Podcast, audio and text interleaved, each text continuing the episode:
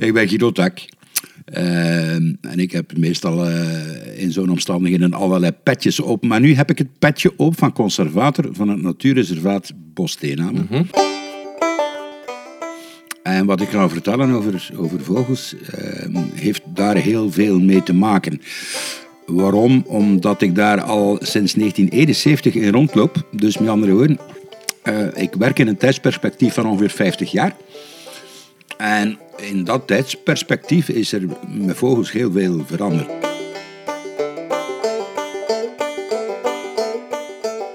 Welkom beste luisteraars bij een nieuwe aflevering van Feed Feed met, u hoorde het al, Guido Tak als gast.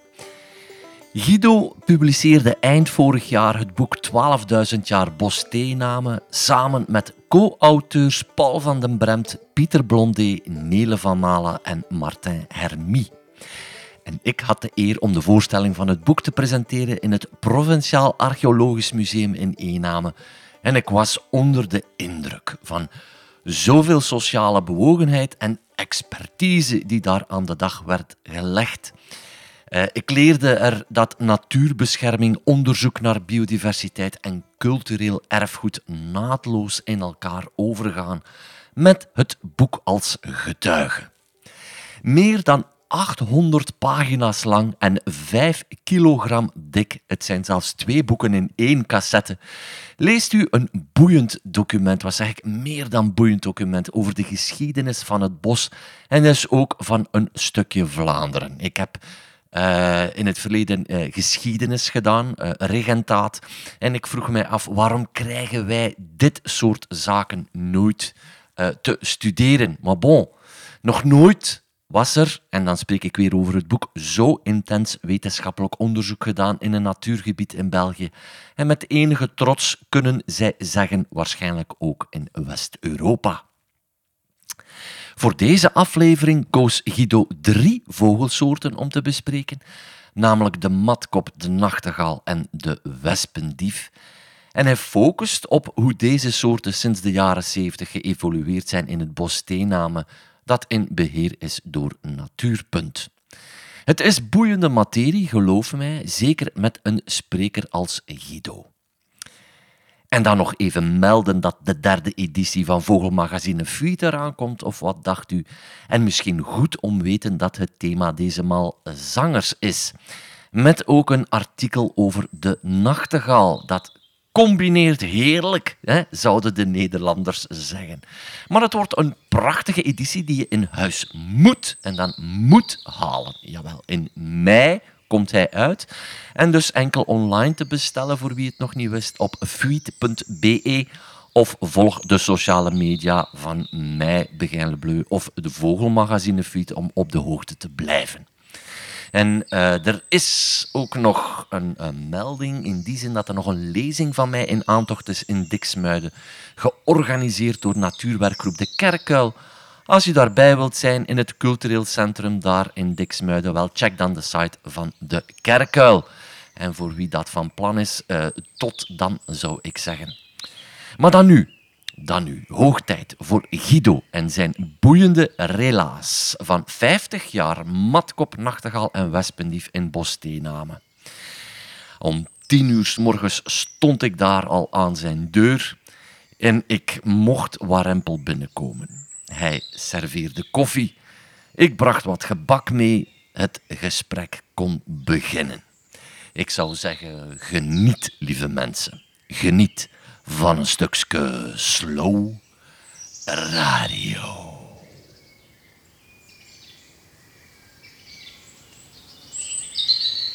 Als ik het, ik heb dat bossteennamen geïnventariseerd op broedvogels in 1974, 75.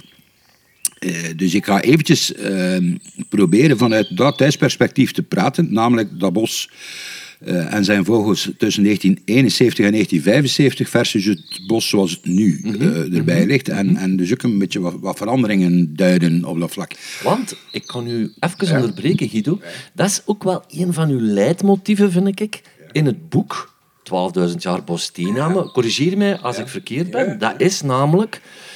Ja, is het heilzamer op één plek te blijven en daar van alles te ontdekken en uh, te bevinden en zoeken? Of moet je de wereld rondreizen om een wijs man te worden? Uh, beide kunnen, daar komt het op neer. Je kunt, uh, uh, maar allee, ik verwijs dan graag naar de drie citaten die op de, ja. de frontpagina van dat boek staan. Goed gekozen. Die duidelijk maken dat dat pad waarbij dat je bij manier van spreken hele leven op dezelfde plek blijft en dat ene, die ene plek probeert zo goed mogelijk te doorgronden, dat dat een manier is om relevantie te verzamelen voor, voor, voor alle andere plekken. Allee, om het nou simpel te houden. Hè. Even zo goed. Ja, even zo Omdat je vond dat het wat verlies leed, zo van op één plek te blijven en daar toch wel grondig onderzoek te doen. Tegenover, wij moeten hier de avonturier uithangen en naar Mongolië reizen en dan naar Zuid-Amerika? Naar Mongolië en Zuid-Amerika hoeft voor mij persoonlijk niet, maar uh, als, als ik zeg wat ik daarnet gezegd heb, kunnen de verkeerde indruk krijgen dat mijn perspectief tot dat bos beperkt blijft. En dat is ook helemaal niet zo. Allee, mensen die mij meemaken in mijn professionele middens, mm zeg maar, die weten dat ik, dat ik uh, een zeer uh, grote kennis heb, ook over alle mogelijke andere natuurgebieden in Vlaanderen, Nederland, Noord-Frankrijk, Wallonië. Allee, dus mijn perspectief is veel ruimer dan ja. dat ene bos. Ja. Maar als je inzicht wil verwerven en natuur, natuur doorgronden, hoe dat mhm. functioneert in habitats en weet ik veel wat allemaal, dan ben je er heel sterk bij gebaat om één gebied goed te bestuderen. Dat, is, dat is, staat voor mij als een paal boven water. Ja. Ik heb u nu eigenlijk onderbroken, want je was bezig over 71, 75 en dan nu. Ik weet niet of dat je daarover uitgepraat bent. Uh, ik, ik, ging daar nu over op doorgaan. Oké, uh, want wij hangen natuurlijk heel het verhaal vast aan drie vogelsoorten, hè, dat de luisteraar dat ook weet. Jij hebt gekozen voor de matkop, de nachtegaal en de wespendief. Daar gaan we straks op terugkomen, maar maak vooral af waar je daar juist mee bezig bent. Ja, ça Uh, zoals ik zei, hè, weer eventjes terugkoppelen. Uh, er is heel veel veranderd in die 50 jaar mhm. tijd. Uh, en dat komt omdat dat bos zelf ook veranderd is, maar ook omdat de omstandigheden in de vogelwereld in het algemeen op, op mondiaal niveau en, en klimaatverandering en weet ik veel wat allemaal ook spelen. Hè.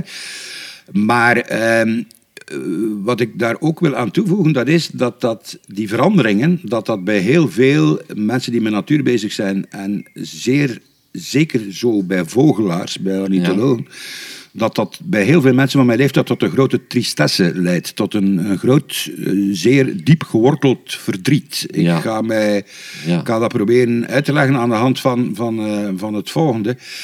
Uh, in de jaren 70 stond ik de 1 mei vroeg op. Mhm. En ik ging naar dat bos namen en dan wist ik dat ik mijn eerste wielenwal ging horen. Okay. Ja? Nu mag ik de 1 mei naar dat bos gaan, al dat ik wil, en ik mag daar drie maanden blijven zitten. De kans is, bestaat dat ik geen enkele wielenwal meer hoor. Zitten er nog? Ja, er is, er, is, er is het ene jaar wel en het andere jaar niet, maar nooit meer dan één koppeltje. En in de jaren zeventig waren daar een zevental koppels gespreid over heel bos.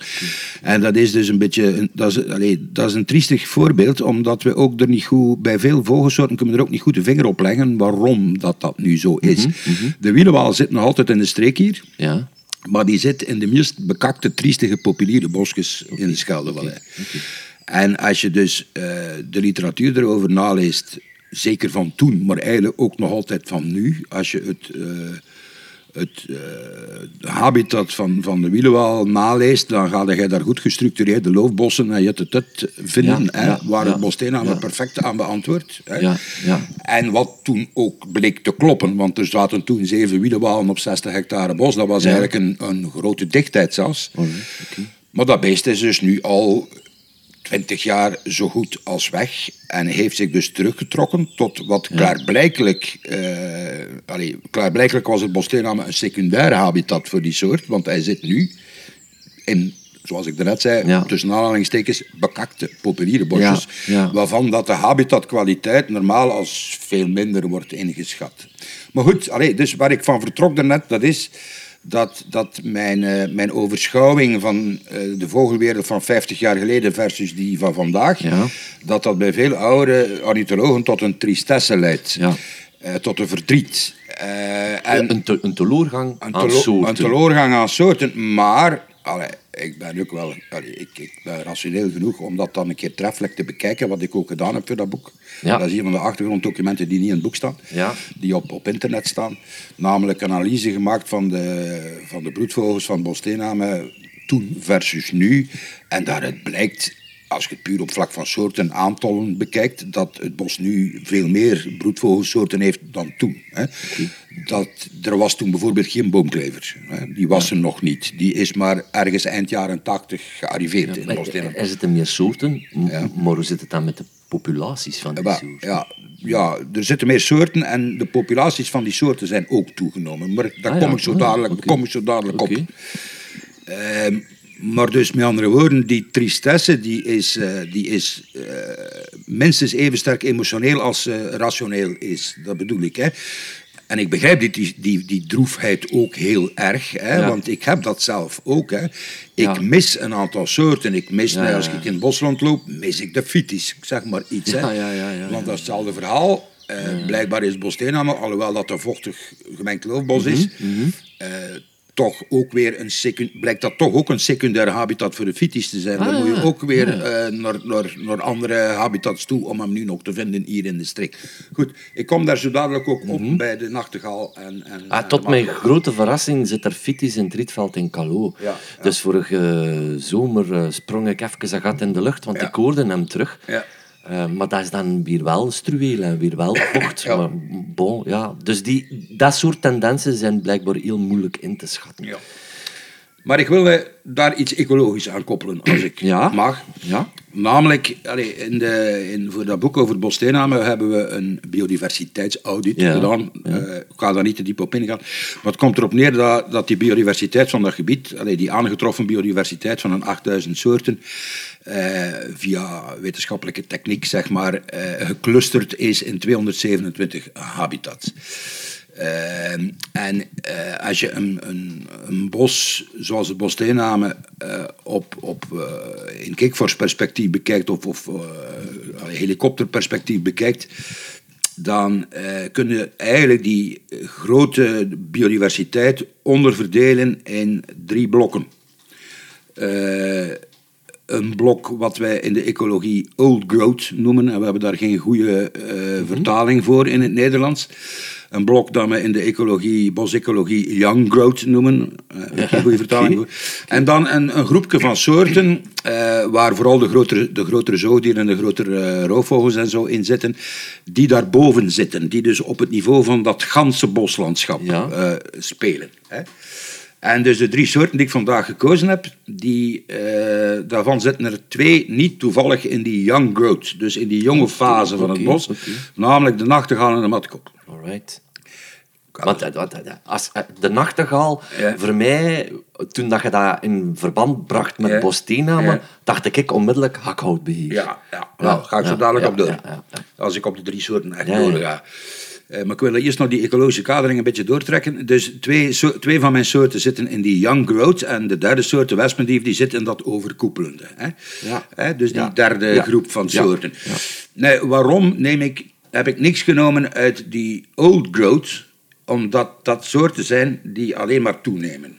Ah. Onze bossen worden steeds ouder. Er Kun, je de soort noemen van die old growth? Grote bonte specht, middelste bonte specht, Boomklever. bosuil. Ja, eh, ja. hè, dus alle soorten, alle bossoorten die gekoppeld zijn aan grote oude bomen, zeg maar. Dus eh, eh, het rijker worden van een gebied, Ja. inclusief het zieker worden of het ouder worden Ja, van van de bomen, bomen, waardoor ja. dat ze nestgelegenheid Ja, waardoor dat er nestgelegenheid komt. Hè, en dus alle soorten die daaraan gebonden zijn, die doen het overal in West-Europa goed. Ja. Ook in Vlaanderen, Ah, ja, ja, Dus de bosvogels doen het over het algemeen goed. Goed. Als je dat vergelijkt met graslandsoorten en moerassoorten, dan je het, doen bossoorten het sowieso goed. Maar dat is in hoofdzaak te wijten aan die old growth soorten. Namelijk het gevolg van het feit dat onze bossen ouder worden en dat de soorten vogels die daaraan gekoppeld zijn aan die, Mhm, dat, dat ouder wordend bos, daarvan profiteren. Hè. Ja, ja, Eh. Kan dat hier met bosthenamen heel erg goed documenteren. Ik zal dat heel snel eventjes doen. In de, ja- de boomklever is pas in de jaren 80 verschenen en nu hebben we misschien 15 koppels boomklever op 60 hectare. Eh, Ik verschiet daar toch van dat dat pas de jaren 80 ja, is. wel, maar, dat, maar daarom, daarom vind ik het ook goed dat Ja, ik ja, in ja. deze context eventjes een historisch perspectief Ja, ja, ja, ja, ja. Eh, de bosuil, toen zat er één koppelken. ja, ja, Eh, akkoord, nu akkoord. zitten er zes, zeven koppels. Ja, ja. En we gaan zo maar door. Hè. De middelste bonte spek was er niet. Nu zitten Ja. er drie, vier koppels middelste spek. Goed, dus die old growth, daar heb ik niets uit genomen. Omdat dat soorten zijn die het goed doen. En Ja. waar ook die tristesse niet speelt. Want Ja. daar zijn alleen maar positieve verhalen over. Ja, ja. Maar die young growth daarentegen, dat is stilletjes aan een groot drama in, eh, in overal.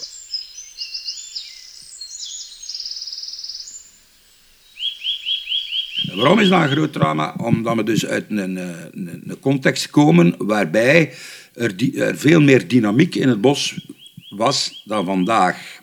Dat ouder worden van dat bos, dat gaat ook gepaard met, een, met steeds minder kap. Er wordt in een doorsneebos veel minder gekapt dan vroeger. We hadden vroeger dat systeem van hakkhoutkap en middeluitkap, hè, waarbij dat er dus periodiek om de zoveel jaar sowieso een deel van het bos gekapt werd.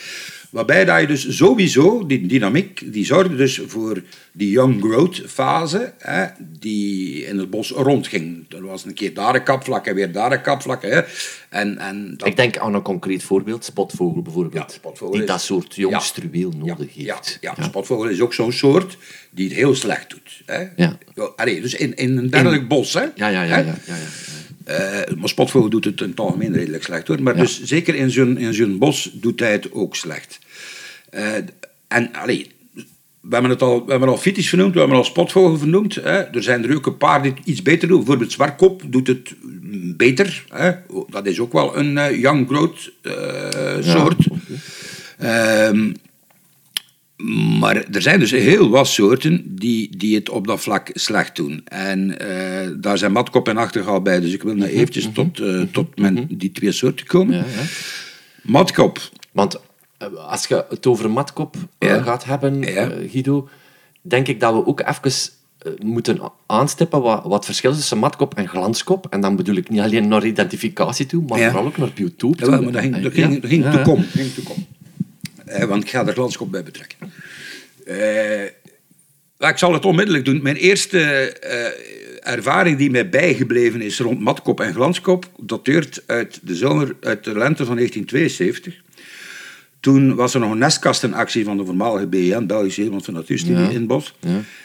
En dus ik was een van de mannen die, allee jongens, want ik was maar 14 jaar, die die nestkasten gingen controleren. En allee, de ervaring van toen was op eh, van, allee, de bezettingsgraad van koolmees, pumpelmees, matkop was ongeveer vijf koolmezen, vier pumpelmezen en één matkop. Oké. Dat ja. was, Ja. op dat moment broeden er in het Bosteename 7 à 10 koppeltjes. 10 Yorker. Ja. 7 à 10 Ja. koppeltjes. Dat is veel. Hè. Als je de wetenschappelijke literatuur erop naleest, dan Ja. eh, wordt één koppelke per 10 hectare als een grote dichtheid beschouwd. Dus O- Omdat ze veel... Ze hebben veel nodig, hè? ja, ja, ja, ja, ja. Dus het Bosteename, klaarblijkelijk, was op dat moment een, een zeer goede habitat voor matkop, want anders hadden we die dichtheid niet gehaald. Ja. ja? Ja. Ik wil er eventjes de glanskop bij halen, omdat dat wel een leuke anekdote is. Ik heb die trouwens onlangs teruggevonden in een notitieboekje. Eh, vermoedelijk hebben we op dat moment een van de eerste broedgevallen van glanskop ook gedocumenteerd. Want glanskop is dus een soort die eigenlijk maar in de jaren 90 volop in de Vlaamse Ardennenbossen verschenen is. Daarvoor was er geen glanskop. Maar we hebben waarschijnlijk toen al in 72 een eerste eh glanskop broedgeval gehad in een nestkast. En waarom weten we dat? Ja. Omdat ik genoteerd heb, samen met een, vriend van mij, dat we een zwartkopmeesje eh, hadden in een nestkastje waar geen houtsnippers en houtspaandertjes in het nest lagen. En dus elke matkop had houtspaandertjes Ja, in zijn ja, nestkast ja, en er waren er geen. Dus dat waarschijnlijk een eerste glanskop. Ja. Maar glanskop is een, een holebroeder. Ja, ja, is ook een. We moeten Ah, ook net zo goed in nestkasten.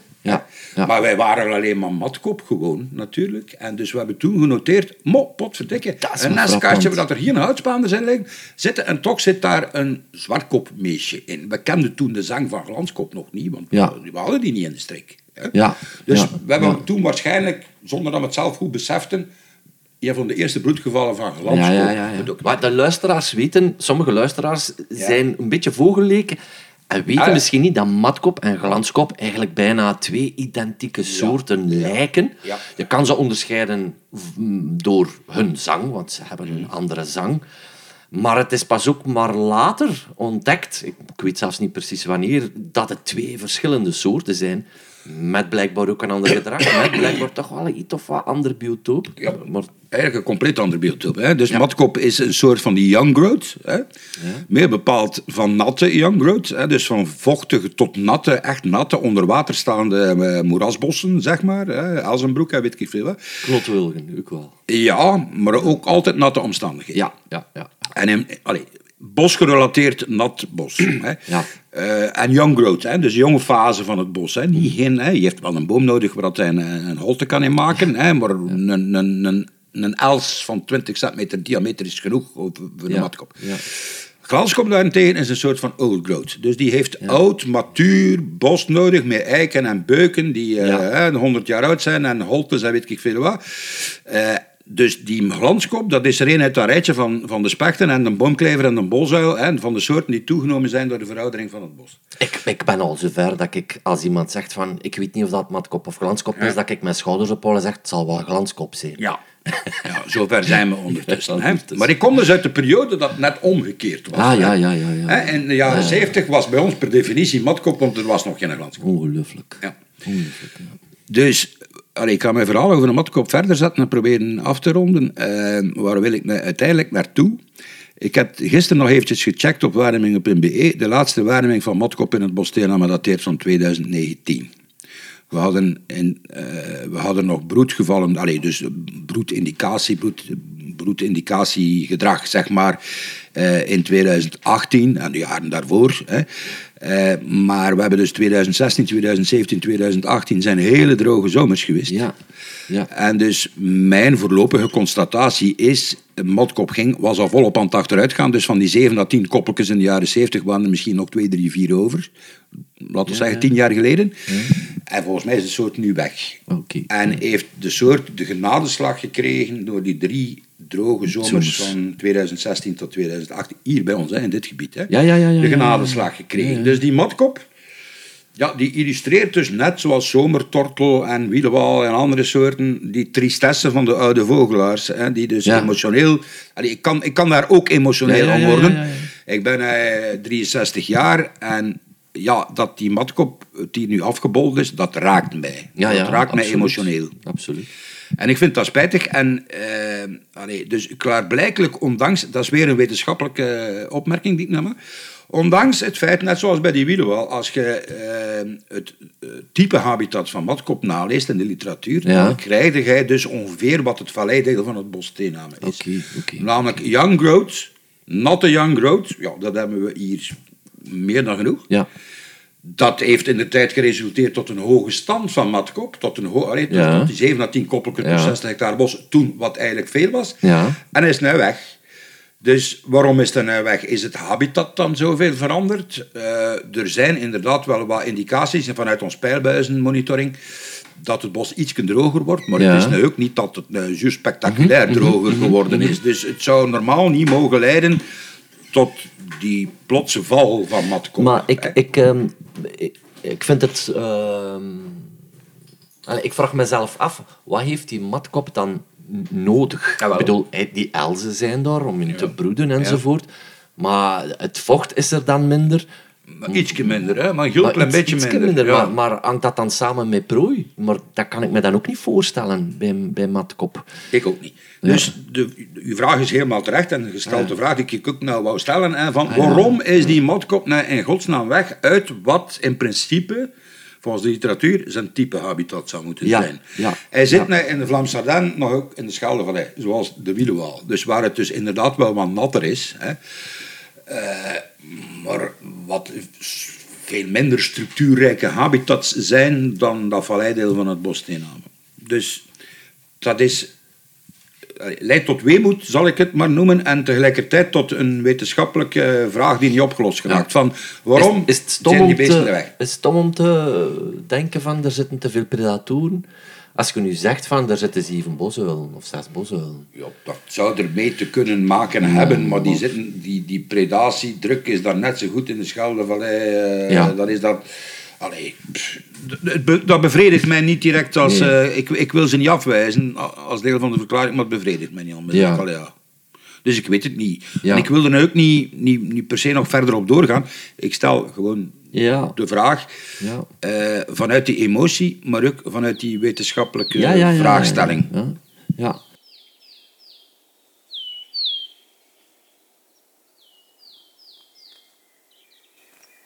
En dan, als we dan even de sprong maken naar de nachtegaal Ja, toe.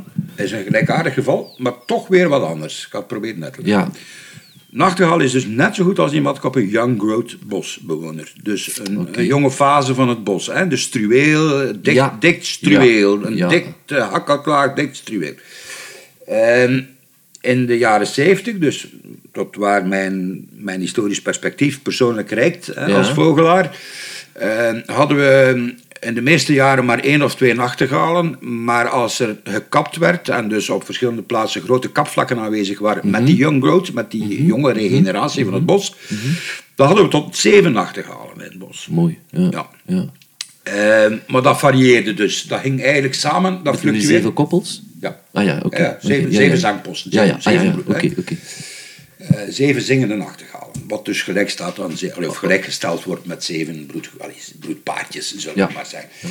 Ehm, dat was toen veel, maar dat fluctueerde dus samen met de aan- of afwezigheid van die young growth. Hè. Als dat, die young growth in de stakenfase komt, noemen we dat in de ecologie, hè. als dat, die hakuitlaag onderaan open wordt, Ja. dan zijn die nachtegaal kwijt. Ja. Dan moet je wachten tot als er weer een keer een stuk opengekapt wordt met Oké, jongen, hè. oké. dan krijgen we die nacht. Ja. Dat is dus het algemene verhaal van nachtegaal, zoals dat ook uit Engeland en uit andere. Europese landen gekend is.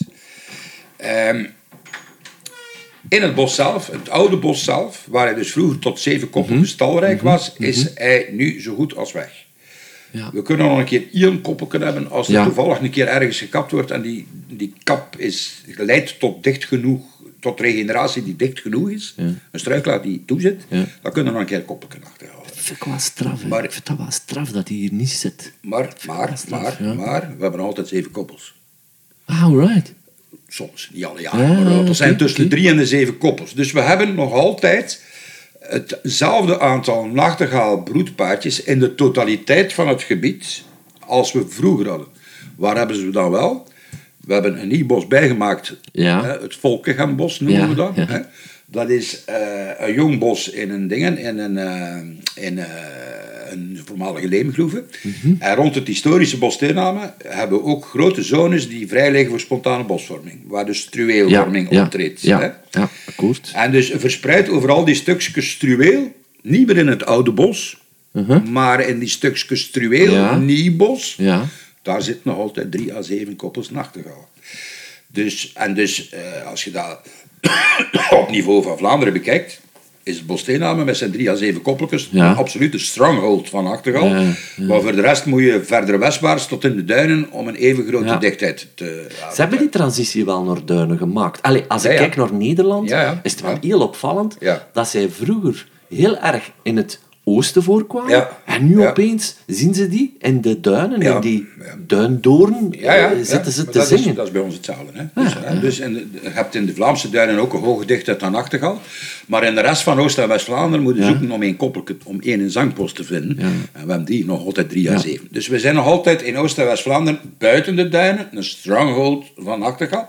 Maar het beest is intern verschoven van de jonge regeneratie in het oude bos Ja, ja, ja. naar nieuwe struweelvorming ja. ernaast. Ja, ja, ja. naast het oude bos. Akkoord. Dus je hebt intern binnen het gebied een verandering van habitat. Ja, ja. Dus die jonge fases van het nieuwe bos, hè, nieuwe spontane bosontwikkeling, daar allee, jeunt hij zich meer, om een Vlaams woord te gebruiken, jeunt hij zich blijkbaar meer dan in die hakhoutstukken van het oude bos. Zijn dat andere nachtegalen? Dat weten we niet. Hè. DNA toe? Ja, geen idee.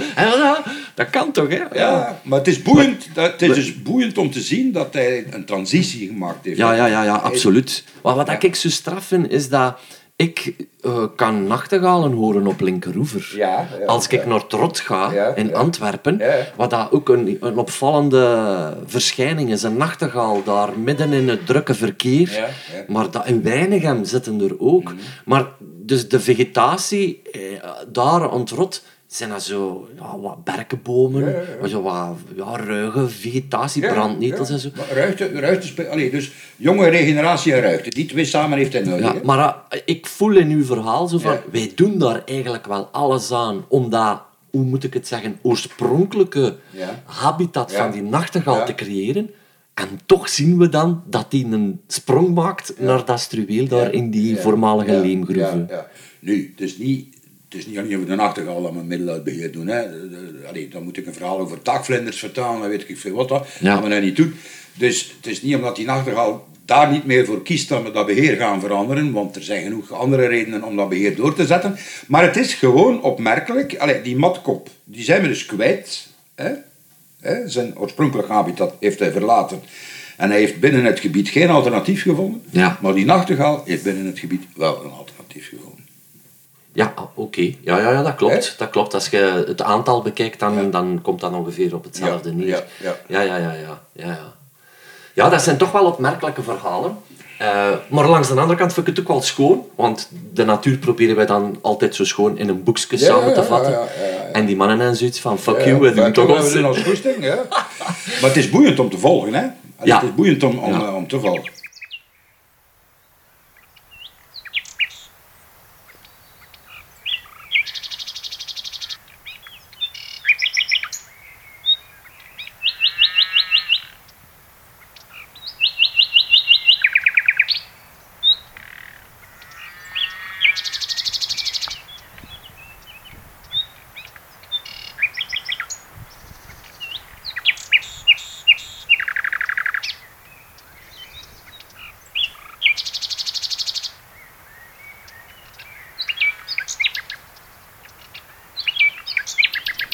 Kom ik stilletjes aan tot mijn laatste soort, Ja, de we, zitten hier trouwens constant te gapen op nog één stukje frangipan. Ja, maar doen we ze jongen, ik genoeg. Maar ik had, ik had expres geen verschillende koffiekoeken meegenomen, want anders zouden we misschien ruzie gemaakt hebben. Ik had...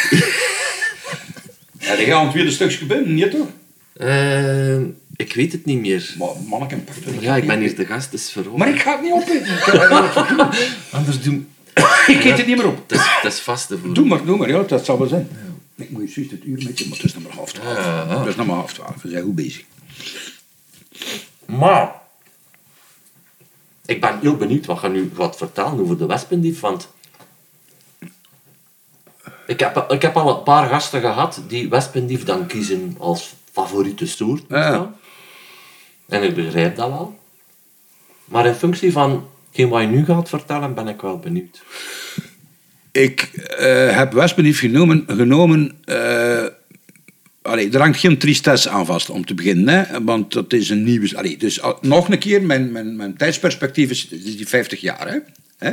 Dus 50 jaar geleden eh zagen we een keer wespendief op trek. En dat was het. Hè. En we, sprongen, Ja. we sprongen al zeer hoog als we een keer een wespendief zagen op trek. Hè. Dus van, van broeden was er op dat moment totaal geen sprake. We konden ons dat zelfs niet voorstellen dat het ooit zou gebeuren dat er wespendief zou broeden. Hè. Over welke jaar Dat spreekt is u? nog hetzelfde, de jaren 70, hè, begin van de jaren 70. Hè. Oké. Mijn tijdsperspectief is nog altijd 70, 75. Hè. Nou, Ah ja, ja, ja. Oké, oké, oké, oké. 1970, nee, alleen 1971, 1975. Toen broedde er één soort roofvogel in het bos Steenaan, en dat was de torenvalk. hè. Geen een buizerd, geen een sperber, geen een havik, geen boomvalk, geen, geen wespendief zoals nu.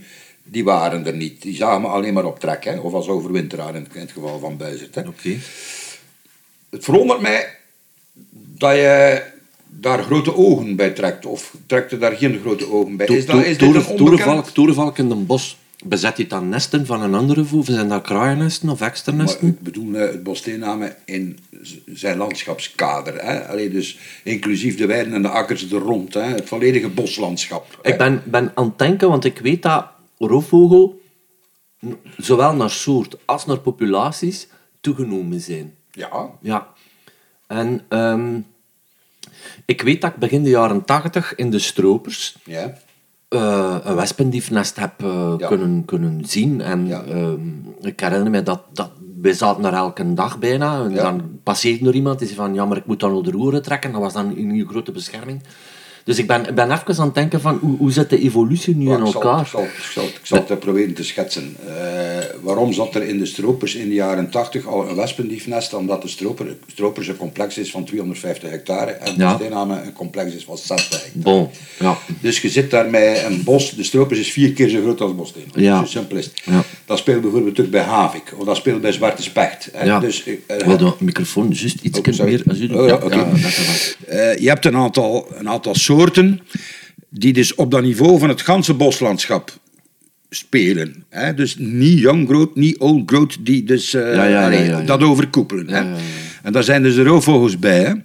Ja, Of de meeste roofvogels bij. Hè? Enfin, om eventjes terug te keren, dus in eh, de eerste helft van de jaren 70, in Basteename broeden er alleen maar torenvalk en alle andere roofvogels we alleen maar van een keer passeren op trek. Ja, en we ongelooflijk. konden ons begot niet voorstellen omdat er ooit een sperwer of een buizerd in dat bos ging broeden. Want dat is, Ongelooflijk. ja. Ik vind dat ongelooflijk. Ja, dus blijkbaar is het nodig dat ik dat een keer zeg. Ja, wel, bij, bij, die kleinere soorten dacht ik van, ah ja, maar die roofvogels, daar stak dan toch weer wel van versteld. Ja, ja, bon, bon, bon. We zaten toen nog in de tijd dat elke jachtwachter de roofvogels uit de lucht schoot, hè, voor alle Ja, duidelijkheid. ja, ja, hè. ook nog dat. En er was Ook ook, het dat. probleem van de DDT en de dilderen, waardoor de ijsschalen braken. En je kent dat verhaal allicht toch wel, hè, waarbij dat dus de, het, het, het eh, broedresultaat van roofvogels, zeker van soorten als slechtvalk en havik en zo, eh, minimaal was. Hè. Ja. Dus die- er wa ze waren er nog, maar het was geen vetten Ja. meer. Hè. En zelfs helemaal niet als broedvogel. Oké, oké. Oh, dus ik, heb, ik heb in die voorbije 50 jaar heb. Mhm. ik dus niet alleen die toorvalk zien broeden, maar daar is daar buizertjes bijgekomen, een sperwer bijgekomen en een wespendief bijgekomen. En de laatste jaren ook havik bijgekomen en sporadisch broedt er ook een keer een boomvalk. En, allee, Ja, ja, hè. ja, ja, ja. Dus dit, dit is binnen dat tijdsperspectief van 50 jaar, Ja. wat in het licht der eeuwigheid natuurlijk een onnozele korte tijdspanne is, hè, ja toch, hè, is er enorm veel veranderd. Hè? Hè? Dus één, torenvalk, allee, één Ja, koppelke ja, ja. torenvalk en hè, drie, vier koppels torenvalk in het gebied en drie, vier koppels buizerd in het gebied. En, en, en vier koppels sperwer waarschijnlijk. Allee, ga zo maar door. Dus er is veel veranderd. En waarom kies ik naar die wespendief? Ja, omdat ik de plezantste, dat vind ik de plezantste van die Ja, roofvogels. Ehm, ik vind dat Havik heeft dan minstens evenveel. Eh, ze hebben altijd iets zeer mysterieus in het broedseizoen. Hè? Dus die wespendief, die zien we toekomen, laten we zeggen 12, 15 mei, arriveert hij hier. Hè? Ouders ook natuurlijk, hè? maar ik spreek nou vanuit het perspectief van Bastena. Hij arriveert er om 12, 15 mei. Je ziet die nog een aantal weken. Hè? Je ziet dan balsen in de lucht, dat weet ik niet veel wat. Vlinderen. En dan verdwijnt hij hier in het gebied. Eh, en als je het niet beter zou weten, dan denkt je van, ja, hij is niet blijven plakken. Maar dan komt hij half juni met zijn jongen tevoorschijn. Hè. Zie je ze vliegles houden boven Bolza, weet ik veel. Dus, Niet te doen, maar dus mysterieus. Ik heb nog nooit, Ja. ik loop nog Ja. 50 jaar in dat bos. We zoeken niet naar nesten, uiteraard Ja, niet. Maar ik heb nog nooit geweten waar er een wespendief in al die tijd. dat is graaf. Ja. Dus hij broedt zeker, hè? dus 100% Ja, ja, zeker. Hè? ja, ja, ja, Eh. Maar, eh, maar ja, mysterieuze vogel. En de havik heeft dat ook. Allee, Ja. eh, havik is een soort waar we hier in de streek niet mee vertrouwd waren. Zeker niet als broedvogel. En eh, ik heb hier jaren het fenomeen gehad dat we JNM-kampen hadden. Ja? Uit streken waar wel havik broedde, uit de kampen hè, Mhm. bijvoorbeeld. En die kwam dan op het einde van het kamp tegen mij zeggen: Ja, en we hebben ongeveer iedere dag havik gezien. En die mocht hij dus waarschijnlijk. eh, eh. Havik? Ja. Nee, Ja. nee, Ja. nee. Ja. En dus na verloop van tijd zijn we ermee vertrouwd Ja. geraakt met die soort. En we, ik heb hem eergisteren nog zien balsen hier eh, op een, op een, op een excursie. Dus nu ben ik er ook mee vertrouwd en nu kan ik hem goed onderscheiden en ik ken zijn gedrag, hij weet ik veel wat. En hij weet ik van, ja oké, er zit weer een koppelke havik. Maar dat zijn dus alle twee zeer mysterieuze Ja. soorten. ja. Maar ik, ik moet toegeven dat ik Havik ook een hele moeilijke vind om te zien. Mm. Natuurlijk, ik heb de indruk dat je meer in de kampen zit. Ja, ja, ja, dat is zo. Hè. Ja. Hè? Ehm, Dat, is, dat, is geen, dat is niet een indruk, dat is, dat is een fundeerde Ja, ja, ja, ja, wetenschap. Eh, eh, dus Havik en Westmendief hebben relatief grote bos... Naar Vlaamse normen al relatief grote boscomplexen nodig. Havik, voor Havik is Bosteenamme met zijn 60 hectare oud bos en 100 hectare eh, zich, allee, jong bos daar rond, zeg Ja. maar. Dat is nu genoeg, maar het is lang, lang niet genoeg geweest Ja, van oppervlakte. ja, ja. Ja, akkoord. Zwarte specht zit ook in die range. Zwarte specht die verschijnt hier regelmatig, maar broedt nog altijd niet. Die, die komt nog altijd op uitkijk. Van, Ah, ja, ja, kan, ik, kan dit bos mij al dienen? En de evaluatie van de zwarte specht is tot nu toe niet. Het is nog te klein. Ah ja, ja, ja, akkoord, akkoord, akkoord. Terwijl dat zo het hoogtepunt eh, vertelde mij iemand van zwarte specht naar eh broedpopulaties is zijn hoogtepunt wat je had nu. Ja, eh. ja, ja, ja, ja. Maar het is nog altijd een soort die gebonden is aan relatief grote bossen. ja, ja. En dat is bij Havik ook het geval. Ja, ja. Bij Havik, Havik heeft hier tien jaar geleden zijn evaluatie is geweest. Nijsbosteen maar goed genoeg. Vanaf nu blijf ik hier. Bij Zwarte Specht zijn we er nog niet aan toe. Ja. Allee, ik druk het naar mensentaal. Ja, ja, ja, maar ik snap, ik snap wat je wilt zeggen. En uiteindelijk komt het daar wel op neer. Ja, Ehm, maar ja, en ehm eh, wespendief, je vindt dat de plezantste van allemaal. Ja, allee, onder andere omwille van... van allee, ik heb al twee keer het geluk gehad in mijn leven om de wespendief op de grond een wespennest te zien Ah, ja, ja, uithalen. ja, En dat is fantastisch. Hè. Dat, is, eh, dat is van de mooiste allee, natuurwaarnemingen die Dat je kunt hebben. Hè. Kun jij dat zelf wel zien? Ja, op foto. Ik, ik heb die dan... Ah, en ik heb het ook op een filmpje gezien. Dat zie je die zo gelijk een kikker zie je die eigenlijk zo scharrelen. Ja, ja. En, en, en allee, ze de wespen van zich afvallen, eh fantastisch. Ja. En dus die, die raten eh, overal uitsmijten, dat is, dat is eh, fantastisch. Fenomenaal, Hij graaft echt die, die, die wespennest uit de grond. Hij graaft hem uit. Ja, tof, joh. Dat is, dat is ongelooflijk om te zien. Ja. Dus dat, dat, allee, dat is een van de redenen waarom dat ik naar voor wespendief gekozen heb. Dat is van de mooiste natuurwaarnemingen die je kunt hebben. Ja. Een wespendief die Ja. Een wespennest uitgraaft. Ja, want ehm, ja, jij zei daar juist van, we kijken nu naar vogels een beetje als, mag het toch zo stellen, als bio-indicator. Zo van, wat gebeurt er? Je hebt natuurlijk andere dieren die ja, veel precairder eh, signalen geven. En de wespendief zit voor mij natuurlijk heel close bij de wesp. Ja, want die ja. arriveert hier in mei, hangt een beetje af van eh wespenlarven. Ja, Ja. ja. Maar geen wesp, eh, geen broedsels. eh, Ja, natuurlijk, geen wespendief. Ja. ehm, eh, zie je, want we hebben het nu over vogels, en misschien moeten we het niet constant over vogels hebben, maar zie je eh, moet ik het schrikbarendere dingen door bijvoorbeeld naar insecten te kijken? Ja, ja, tuurlijk, ja. tuurlijk hè. Allee. De, de, de biomassa, niet zozeer de soorten. Hè. Ja. Ehm, maar ik moet daar voorzichtig mee zijn. Waarom moet ik, daar, ik ging nou zeggen, we zien het minder op soortniveau dan wel op niveau van biomassa. Hè. Dus de hoeveelheid insecten. Hè. Maar op vlak van soorten is dat een, wetenschappelijk gezien een tricky uitspraak. Waarom? Omdat daar nog altijd veel te weinig naar gekeken wordt. Hè. Dus er zijn voor duizend vogelaars is er hier een, hier een entomoloog. Hè. Ja, ja, ja. Nee, maar dat, dat is dus zo. Hè. maar dat klopt. Dus Klopt. allee, we hebben hier dus eh, ons te pletter geïnventariseerd, alle mogelijke taxonomische groepen, hè, spinnen en kevers, eh, vliegen en heel de ritten met dit. Maar bij veel van die groepen is er één of misschien twee specialisten in Vlaanderen en dat is het. Hè. En, Ja. eh, eh, allee, dus die Ja. duizend versus één is nog een overtrokken vergelijking. Hè. Het is eerder 10.000 versus één. Hè. Maar kunnen ze niet... Maar dat kan toch geen invloed... Heeft dat een, een invloed op het onderzoek? Ja, tuurlijk. Ja, absoluut. Ja, Ja, uiteraard. hè. We kunnen niet We hebben, naar- we hebben een, een duizend keer beter inzicht in populatie-evolutie Ja. van vogels dan we een inzicht hebben in de populatie-evolutie van, ik weet niet welke zweefvliegen. Ja, dat gaat dan puur over tellen. Eh, Dat gaat om de eerste plaats om constateren van die soort zit daar. Die soort bestaat hier. Niet alleen over tellen, je weet Waarnemen. Waarnemen dat die soort er is. Hè. Ja. Eh, en, en je hebt, dus, je hebt dat bij de vogelaars nog veel meer. Eh, het aantal mensen die naar een bepaalde soortengroep kijkt, Ja. Versus het aandeel ervan van mensen die met de ecologie van die soorten bezig zijn. Ja. Manneken, Is ook een groot verschil. De meeste vogelaars zijn niet met ecologie bezig. Nee, dat hè. klopt wel. Ja. Hè, die, zijn met soorten Die bezig. zijn met soorten bezig. Die willen een streeplijst eh, aanvullen. Ja, Hè, ja, uit de tuin. ja. En, eh, hè. dus dus, eh, allee, dat, dat is, dus vandaar dat ik er juist eventjes eh, allee, eh, tricky vond om, om die uitspraak te doen. Hè. Eh, maar goed, zal ze toch maar doen. Op soortenniveau valt het nog wel mee, maar op niveau van biomassa is het een drama. Hè. Allee, dat is het gekende voorbeeld van als je vroeger naar Zuid-Frankrijk reed, moest je om de 50 kilometer stoppen om je, om je eh, vooruit af te kuisen van de insecten lijken die erop geplakt Ja, gingen en ja. moeten dat niet meer doen. Nee, ja, dat klopt. Dat Eh, klopt. dus er is ook genoeg wetenschappelijk onderzoek eh, van, van allee, lange termijn monitoring van, van, eh, van insectengroepen. dat je kent voorbeeld uit Duitsland die heel, Ja. heel duidelijk maakt dat de biomassa aan insecten zwaar, zwaar, zwaar gezakt is. En dat heeft uiteraard een invloed op alle insecteneters. En, Dat kan niet anders. Kan niet anders. Kan niet Ja, anders.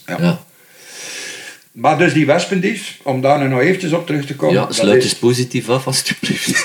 Dat is dus, dat is dus, een- hè, dus mijn matkop was een negatief verhaal. Ja. Mijn nachtegaal was een break-even verhaal, alleen is hij van, hè, Veranderd. van habitat veranderd. En mijn wespendief is een positief verhaal. Hè, Ja. Dus zoals alle andere roofvogels buiten de torenvalk broedde hij niet in het bos Steenamen tot waar mijn perspectief reikt, Ja. namelijk de eerste helft van de jaren 70. Mhm. Komt het ons zelfs niet voor staan dat hij ooit zou broeden. Nu broedt hij al 30 jaar en hij doet dat jaarlijks, dat is een vaste broedvogel. En eh, waar dus die matkop eh, tot tristesse leidt, tot droefheid. Eh, herinner je me een wielenwal van de 1 Ja, ja, mei? ja. Eh, ja, dat is het dus niet bij die wespendief. Ja. Hè. Ja. Eh, daar, daar, daar zijn we dan weer gelukkig mee. En, en of dat je dan als vogelaar, als ornitholoog, of het glas dan half vol is of half leeg is, dat hangt van je persoonlijke ingesteldheid af. Snap je wat ik wil zeggen? De meeste vogelaars gaan voor het half lege glas kiezen. Hm. Hè? Gaan die matkop, die er niet meer is, zwaarder laten doorwegen dan die wespendief die er Ja. wel is ondertussen. Ja. Ja. En, en, en gaan dus, en hebben ze gelijk, ja, voor een flink deel hebben ze gelijk natuurlijk. Allee, dus als je de totaliteit van, van de biodiversiteit bekijkt, hè, ja, en als je daar inderdaad al die insecten en heel de boel bij neemt, hè, de rest van de biodiversiteit bijhaalt, ja, dan is het waarschijnlijk wetenschappelijk wel correct om te zeggen dat het achteruit gegaan is sinds de jaren dit- 70. dit verhaal is ook een levensnoodzakelijk verhaal, omdat je hebt zo'n fenomeen, dat noemen ze shifting baselines. Ja, ja. Ik, ik was in Friesland bij Ja. Teunis Piersma, ik had dat, dat genoegen en ik zei, man, wat vliegt er hier allemaal Ja, rond? En hij ja. zei tegen mij, nou, het is eh, flink achteruit gegaan. Ja, ja. En ik zei van, wat blief? Ja. Ja, dat zijn verhalen die we ook wel dringend, dringend... nodig hebben, natuurlijk. Wat ik nu verteld heb, voor alle duidelijkheid, gaat over drie bossoorten. Hè. Ja. Moest ik het over de soorten van het cultuurlandschap gehad hebben, dan was het drama, dan was er geen, geen, half, geen kans meer op een half vol glas. Het glas was bijna leeg, hè. Allee, Ja. voor alle duidelijkheid. Dan kan ik nog eh, eventjes enthousiast worden over een, over een patrijs en ik in een kwartel die zit te roepen in de kouter. Maar, maar voor de rest is het huilen met de pet op in het cultuurlandschap. Hè. Daar zijn we gewoon al, zo goed als alles kwijt. Hè. Ja. Dat, dat bewijst ook het boek 12.000 jaar Bossteenhamer, waar ik die jachtlijstje, ik weet niet of je zo ver gekomen bent, Mm.